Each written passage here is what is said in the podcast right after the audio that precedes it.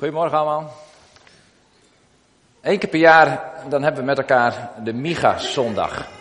En uh, Wilma zei het al, dat is niet alleen wat wij hier in, uh, in Drachten doen bij de Open Thuis, maar dat vindt in heel Nederlands plaats. Steeds meer kerken hebben de Miga-zondag. En waarom heet dat Miga-zondag? Miga is een Bijbelboek. En in Miga 6, vers 8, zometeen laat ik die, die tekst ook zien, dan wordt er een oproep gedaan om recht te doen. En die woorden die zijn ook al even gevallen. De woorden rechtvaardigheid en gerechtigheid. Dat zijn de woorden die bij deze zondag passen. En daar wil ik vanochtend ook met u over nadenken. Micha is, uh, heeft een, de, de Micha zondag heeft een thema die landelijk gebruikt wordt. En het thema is buigen om recht te doen. Je buigen om recht te doen. En daar wil ik vanochtend bij u bij stilstaan op verschillende invalshoeken. En daar heb ik Drie, drie thema's voor, drie subthema's die we langzamerhand bij langs gaan. Als ik dan bij de tweede ben, dan weet u dat we halverwege zijn. Als we dan bij de derde ben, dan denk je, nou nog een klein stukje, dan zijn we er bijna. Het eerste, voor welk recht buig jij je? Voor welk recht buigt u zich? Het tweede is gerechtigheid, het pluspakket. Dat klinkt een beetje verkoopachtig, maar dat is het niet.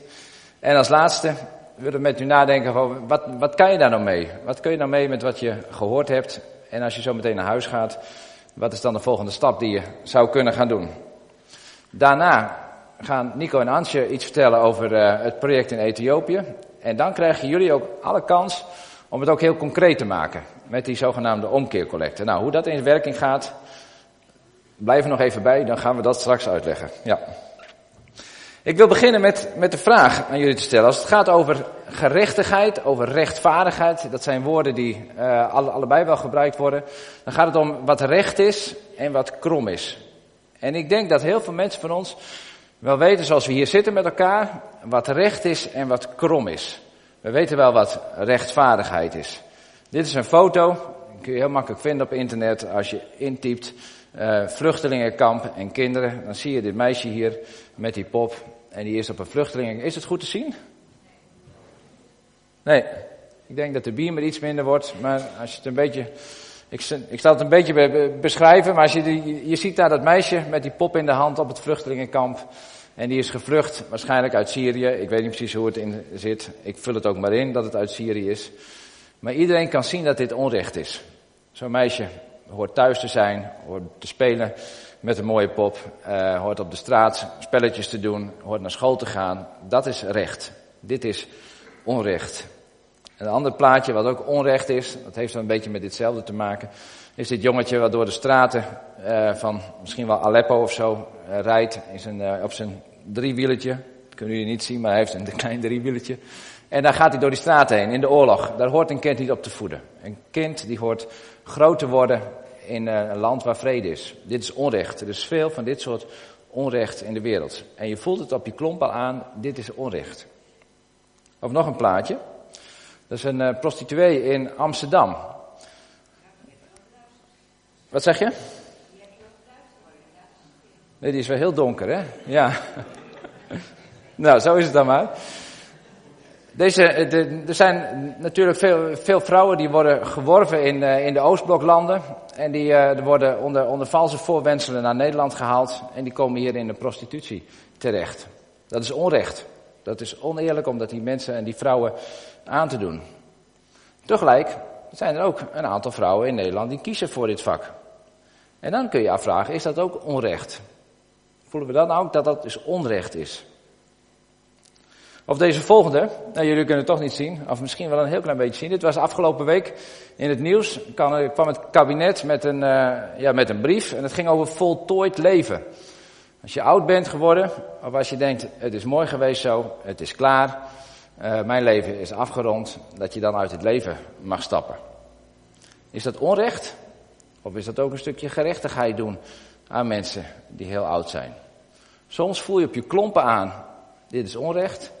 En soms denk je, nou, hoe zouden we hier met elkaar mee om moeten gaan? Of iets heel anders. Kun je dit wel zien? Zwarte Piet? Nee, dat kan je niet zien. Nee. Hij is zwart aan de ene kant en wit aan de andere kant.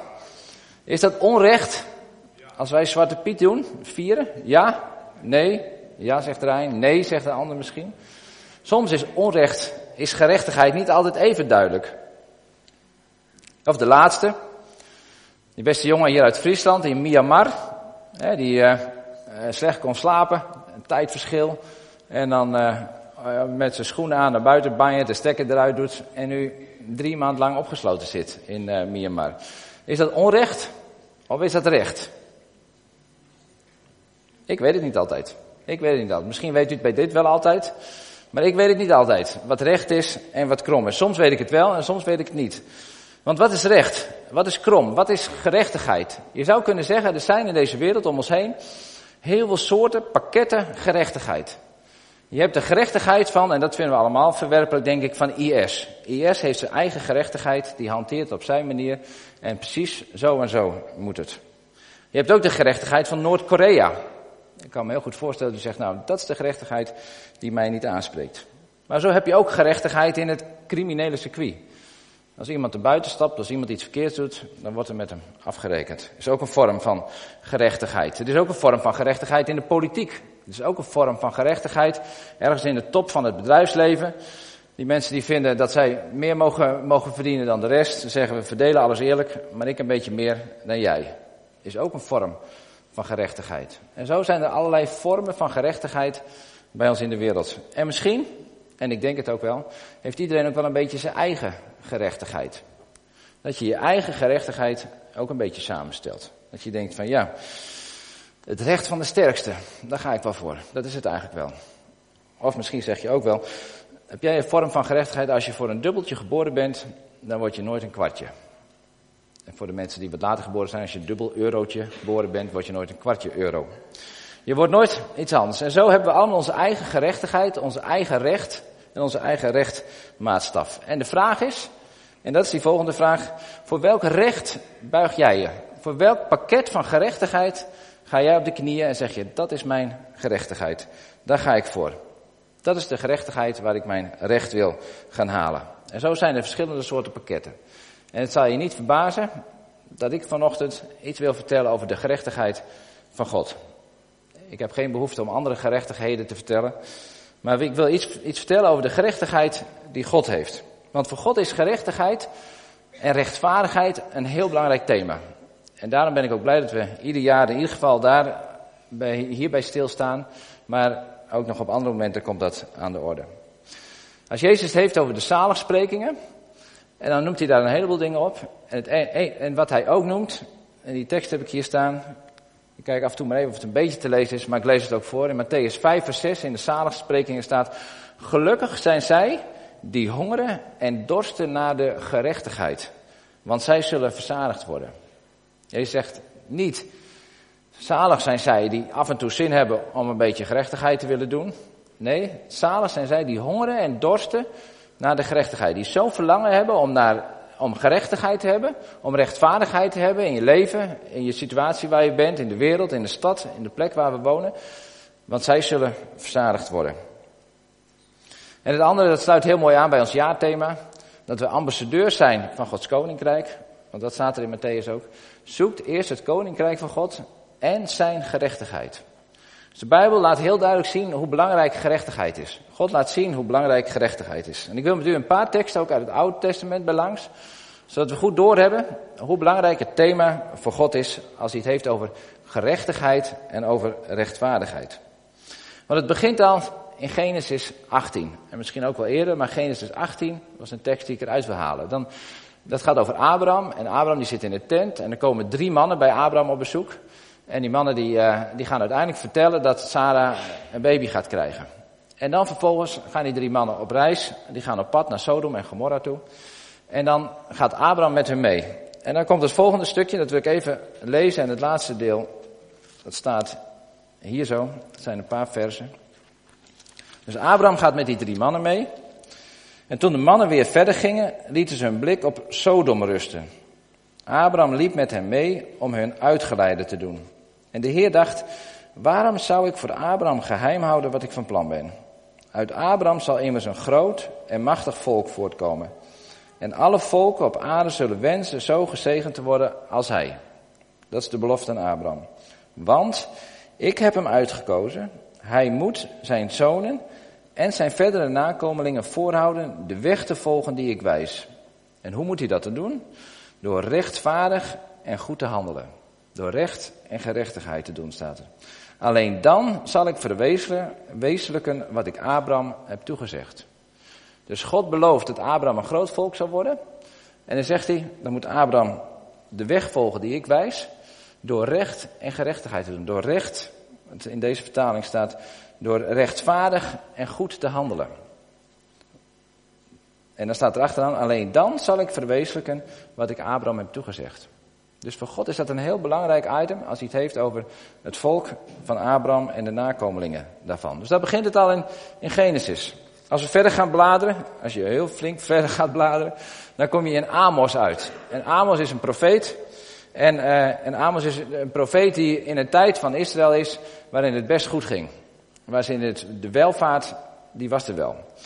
En ze waren ook heel vroom, de Joden. En daar gaat dit gedeelte in Amos 5, vers 21 tot 24 over. En dan is God heel, heel bot, heel duidelijk als het gaat over gerechtigheid. En dat zien we straks nog een keer terug. Dan zegt God, eh, door, door de, de mond van Amos, ik heb een afkeer van jullie feesten, ik wijs ze af. Jullie samenkomsten verdraag ik niet. En dan heeft hij het niet over de vrijgezellenfeest of zo, maar dan heeft hij het over die feesten en over die samenkomsten in de, in de, in de tempel. Ik schep geen behagen in brand- en graanoffers die jullie meebrengen. De vetgemeste beesten van jullie vredeoffers keur ik geen blik waardig.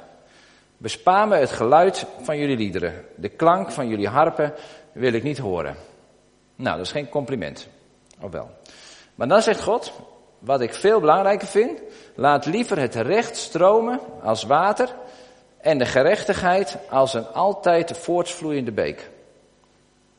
Dus met andere woorden, God zegt, ik vind het fijn dat jullie zingen en dat is hartstikke mooi. Maar als er geen recht en gerechtigheid plaatsvindt bij jullie, bij jullie in de samenleving, bij jullie in de samenleving, dan is dat gezang van mij en die brandoffers, daar heb ik lak aan. Dat hoeft allemaal niet. Voor God is gerechtigheid en recht een heel belangrijk item. En zo komen we ook in die Micha 6 vers 8, waar die hele Micha-campagne, die Micha-zondag naar genoemd is. En er staat ook een heleboel omheen, maar dan begint het, is het zo, er is jouw mens gezegd wat goed is. Je weet wat de Heer van je wil. En, en Micha is er heel duidelijk in. Niets anders dan recht te doen. Trouw te betrachten en nederig de weg te gaan van je God. Dat is wat God van jou en van mij vraagt, zegt, zegt Micha tegen het volk. Je moet recht doen. En je moet trouw betrachten. Als je andere vertalingen hebt, dan gaat het ook over goede tierenheid. Goed zijn. Goed, goede tierenheid, lief te hebben. En nederig te zijn en de weg te bewandelen van je God. God laat er geen misverstand over verstaan hoe belangrijk hij recht vindt, hoe belangrijk hij rechtvaardigheid vindt. En dan pak ik er nog één uit. En dan gaat het over Jesaja. En Jesaja is een, een, een, grote profeet, heeft heel veel geschreven, heeft heel veel, uh, die was ook heel dicht bij de koning, had ook heel veel te zeggen. En het lijkt een beetje op wat, wat, wat Amos geschreven heeft. En ik lees even vanaf vers 10. En dat is, Jezaja heel, hij spreekt in een hele duidelijke taal. Hoor de woorden van de Heer, leiders van Sodom. Dan heeft hij het niet over Sodom, maar hij vergelijkt die leiders van Juda, vergelijkt hij met Sodom. Geef gehoor aan het onderricht van onze God, volk van Gomorra. Wat moet ik met al jullie offers, zegt de Heer. Ik heb genoeg van die schapen, die vetgemeste kalveren, het bloed van stieren, rammen en bokken wil ik niet meer. En wanneer jullie voor mij verschijnen, wie heeft je gevraagd mijn voorhoofd plat te lopen? Hou op met die zinloze offergaven. Ik heb een afschuw van jullie wierook, jullie feesten, nieuwe maan en sabbat. Ik duld ze niet naast al dat wangedrag. Van jullie nieuwe maan, van al jullie feesten heb ik een afkeer. Ze hinderen mij. Ik kan ze niet langer verdragen. Wanneer jullie je handen opheffen, wend ik mijn ogen af. Ook als je aanhoudend bidt, luister ik niet. Aan jullie handen kleeft bloed. Was je, reinig je, maak een eind aan je misdaden. Ik kan ze niet meer zien. Vermijd alle kwaad en leer goed te doen. Zoek het recht, houd tirannen in toom, bied wezen bescherming en sta weduwen bij. En ineens is er een hele draai. Dus ik heb een afkeer van al jullie, ja, van al jullie uh, vroomheid. En heeft God dan een afkeer van die regels die hij gegeven heeft? Nee, helemaal niet. Helemaal niet. Maar hij zegt, als die gerechtigheid er niet is, Als je niet recht doet aan weduwen en aan wezen, aan kwetsbare mensen in de samenleving, dan heb ik daar een afkeer van. En het hele mooie daarna is, want als je vers 18 leest, dan zie je weer opnieuw een draai, en daar kom ik straks nog weer op terug. Dan zegt de Heer, laten we zien wie er in zijn recht staat. Dat vind ik al heel mooi. Laten we eens kijken wie er, wie, wie er in zijn recht staat. En dan zegt hij, als zijn je zonden rood als scharlaken, ze worden wit als sneeuw. Al zijn ze rood als purper, ze worden wit als wol. Dus aan de ene kant is Jesaja furieus om de boodschap van God te brengen. God wil gerechtigheid en wat je daar ook maar vroomheid omheen doet, daar heb ik geen boodschap aan. En tegelijk komt Jesaja, en dat zien we straks ook weer terug, met de oplossing. En dat God daar niet stopt, maar dat hij doorgaat. Van ook al sla je de plank nog zo mis. Als het rood is, nee, al zijn je zonden rood als scharlaken, ik maak ze wit. En dan zijn ze rood als purper, ik maak ze zo wit als wol. En het schijnt heel moeilijk te zijn om wol weer wit te maken. Nou, God krijgt dat voor elkaar. Dus als je het hebt in het Oude Testament, dan wordt er op heel veel plaatsen verteld hoe belangrijk God gerechtigheid vindt.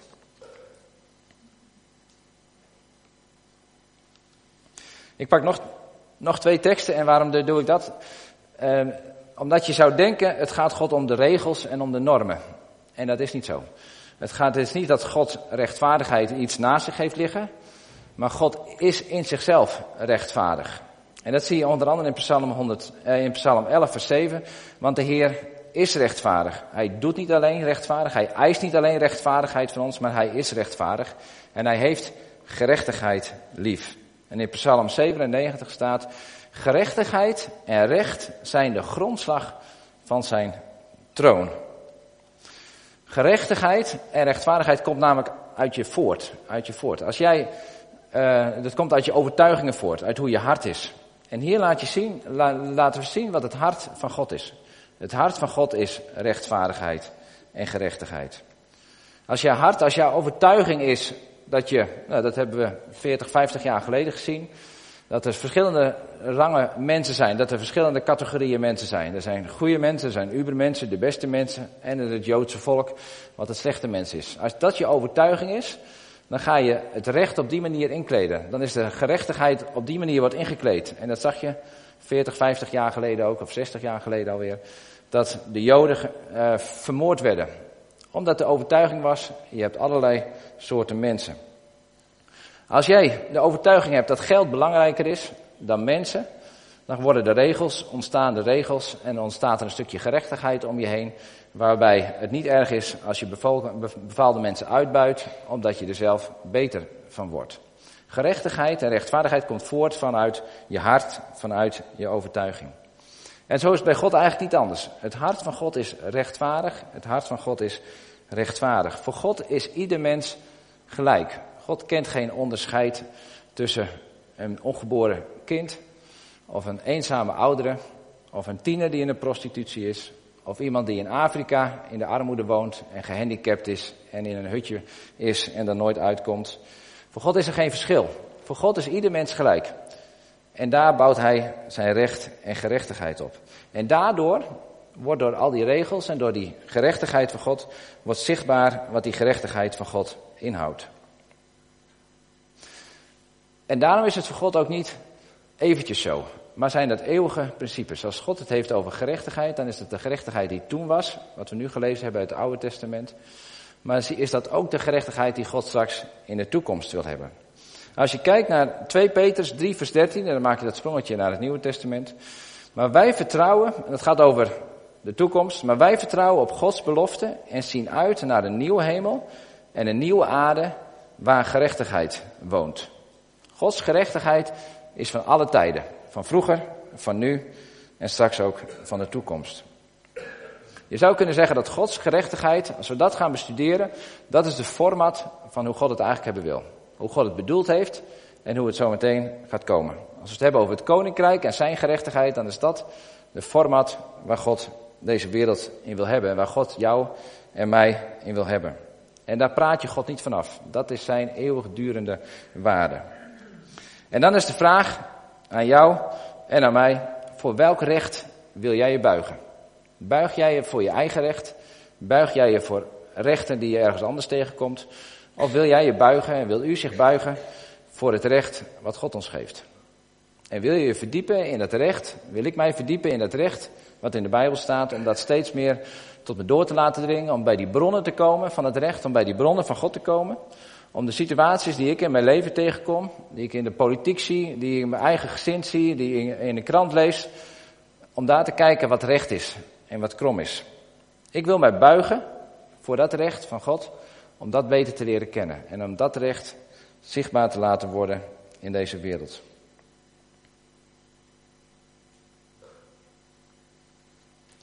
En heb je dan antwoord op alle vragen? Weten we dan allemaal precies hoe we met Zwarte Piet om moeten gaan? Nee, natuurlijk is dat niet zo. Daarin hebben we elkaar ook nodig. Maar als je kiest om het recht van God te volgen en dat te gaan, dan zul je ontdekken dat je dingen steeds helderder worden en dat je vanuit zijn perspectief weer kijken. En hij wil ons de geest geven om dingen daarin eh, te openbaren. Nou, dat is vraag 1. Voor welk recht wil jij je buigen? Kies je daarvoor of kies je voor je eigen recht en ga je fijn je eigen gang? De volgende vraag is dan van hoe gaan we daar nu mee om? Als we dat, de gerechtigheid van God kennen en we kennen dat format van God, dat is recht, kunnen we dat ook naast onszelf houden? Kunnen we dat houden naast deze wereld? Kunnen we dat houden naast ons als open thuisgemeente? Kan ik dat houden naast mijzelf? De gerechtigheid van God. En hoe zie ik er dan uit? Hoe zie ik er dan uit? Hoe kom ik daar uit de voorschijn? En als ik mij meet aan de gerechtigheid van God, aan over hoe Hij het eigenlijk zou willen, nou dan schiet ik ruim tekort. En ik hoef daar geen voorbeelden van te noemen. En ik denk dat u dat zelf ook zou ervaren. Als God naar deze wereld kijkt nu, naar mijn leven, naar ons als kerk, naar deze wereld, dan, dan wordt hij nog steeds boos. Dan wordt hij nog steeds boos over het onrecht. Dan ziet hij nog steeds hoeveel er fout is en hoeveel er verkeerd is. En als het niet opgelost wordt, dan gaat het fout met ons aflopen. Dan wordt God boos op ons en dan moet hij ons straffen. Omdat wij niet voldoen aan de gerechtigheid. Maar gelukkig heeft God daar niet voor gekozen. Gelukkig heeft God er niet voor gekozen om ons te meten met die gerechtigheid en vervolgens ons ook die straf te geven. En wij weten hoe hij dat heeft opgelost. Of hoe Jezus het heeft opgelost. Jezus is gekomen en die heeft gezegd, vader u bent boos over die ongerechtigheid, u bent ongelooflijk boos. Wilt u mij die boosheid dan maar geven? Vier uw boosheid dan maar op mij af. Of hoe zeg ik dat? dat richt uw boosheid dan maar op mij. Geef mij die straf dan maar. Dan kan het volk, dan kunnen wij eh, vrij uitgaan. En dat heb ik het gerechtigheid plus pakket genoemd. En dat heb ik zelf maar bedacht, dat is geen bijbelse kreet. Maar als de gerechtigheid gewoon is zoals die is, dan worden wij gestraft. Dan worden wij afgerekend en dan blijft er niks meer van ons over. Maar het gerechtigheid plus pakket is wat Jezus voor ons gedaan heeft. Hij heeft tegen God gezegd, die boosheid van u, doe die maar op mij. De straf die u geeft aan die mensen die onrecht doen, geef dat maar aan mij. Ik neem dat op mij. Zodat u en ik, zodat de mensen, zodat wij een nieuwe start kunnen maken. En dat is Gods gerechtigheid. En dat is, je zou denken dat is oneerlijk. Want iemand krijgt de schuld wat ik had verdiend. Maar dat is de gerechtigheid van God. Want de gerechtigheid van God gaat altijd uit voor het goede voor de mens. De gerechtigheid van God is niet het oordeel over ons. Maar de gerechtigheid van God is het, gaat het oordeel naar Jezus Christus toe. En wij mogen vrij uitgaan. Wij mogen een nieuwe start maken. En dat vind ik heel mooi toen ik daar, daarmee bezig was. En Luther, ik heb er iets over, gelezen. En Luther zegt, dat is eigenlijk een prima ruil. Uh, oneerlijke ruil, maar wel een hele mooie ruil. Dat datgene, de straf die wij verdienen, die gaat naar Jezus toe. En wij mogen een nieuwe start maken. Die ruil, die kan wel uit. Jesaja zegt het zo, die striemen die op Jezus zijn geworden, die hebben ons genezing gegeven. De straf, de zonde, die is op Jezus gekomen en wij mogen vrij uitgaan. En daarin wordt de gerechtigheid van Christus wordt zichtbaar door wat Hij voor ons gedaan heeft. Niet het oordeel komt op ons, maar het nieuwe start, het nieuwe leven komt bij ons vandaan. Wij mogen leven op andermans kosten. Heb ik ergens gehoord. Die vond ik mooi. Wij mogen leven op andermans kosten. Jezus heeft het voor ons betaald en wij mogen op zijn kosten leven. Wij mogen een nieuwe start maken en op ons rust niet het oordeel. Wij zijn vrijgesproken mensen. Wij, een nieuwe schepping mogen wij worden. En die gerechtigheid van ons, die, de straf gaat aan ons voorbij. Nou dacht ik in die voorbereiding, Dat is waarschijnlijk niks nieuws voor u, maar dat heeft u wel heel vaak gehoord. Waar of niet waar? Goed om dat steeds te weten. Maar wat kan je daar nou mee? Wat kun je er nou mee dat die straf en het oordeel op Jezus komt en dat wij een nieuwe start mogen maken? En toen heb ik zitten denken, het is Micha zondag, daar kunnen we verder mee. Daar kunnen we daadwerkelijk verder mee. Want je kunt twee keuzes daarin maken. In de eerste plaats kun jij zeggen, voor welk recht buig jij? En dat je ook om je heen laat zien dat jij buigt voor het recht van God. Dat jij zegt, ik neem dat pakket van die gerechtigheid van God, dat is mijn maatstaf. Dat is mijn norm als ik dingen om me heen zie. En dat ga ik ook benoemen. Als je onrecht om je heen ziet, dan kan het ook zijn dat je je mond houdt en je denkt van ja, ik weet niet of iedereen dat wel vindt. Maar als je het recht van God leert kennen en daar dat gaat volgen, dan mag je boos worden om onrecht wat je om je heen ziet gebeuren. Als je in je klas of op je werk of waar dan ook iemand ziet die gepest wordt, ik noem maar een mooi voorbeeld, dat je daar iets van zegt, omdat je het recht van God wilt laten zien. Want daar zijn wij toe geroepen, omdat de gerechtigheid en het koninkrijk van God aan anderen te laten zien. Wij mogen het recht spreken om ons heen. Niet vanuit de verhevenheid van wij weten het, maar daar waar onrecht is, mogen wij onrecht benoemen. Persoonlijk, maar ook als kerk. Als christen in Nederland mogen wij aangeven dat er onrecht is. Dus in de eerste plaats, wij mogen zeggen, er is onrecht. Want wij halen het recht bij God vandaan. En het andere, dat is dat pluspakket, zal ik maar zeggen, is dat wij ook zo de wereld in mogen gaan. Dat wij niet een oordeel hebben over de mensen die ongerechtigheid doen, maar dat het oordeel bij Jezus is. Maar dat wij die mensen die we ontmoeten ook een nieuwe start mogen geven. Dat we geloven en dat we dat uit mogen dragen, dat er een nieuwe start mogelijk is. Niet alleen voor jou en voor mij, maar voor de mensen om ons heen. Dus dat we mensen die in onrecht leven, niet met oordeel betreden, maar dat we die betreden, dat ze een nieuwe kans, een nieuwe start mogen maken. Ik noem even een voorbeeld. Vanuit Stichting Percent kom je op, op verschillende plekken. En dan zijn we een keer bij een, een, een, moeder geweest met een aantal kinderen. En die moeder die leeft in armoede. Dat is onrecht. Die leeft echt in armoede met die kinderen, dus ze kunnen echt heel weinig. En ik had daar wel zo mijn oordeel over. Want ik wist dat ze verschillende mannen heeft gehad. En dan denk ik, waarom zorgen die mannen dan niet over haar? Voor, beter voor haar. Waarom lossen ze dat niet op? En waarom heeft zij ook deze keuzes gemaakt? Dus ik had wel mijn oordeel erover.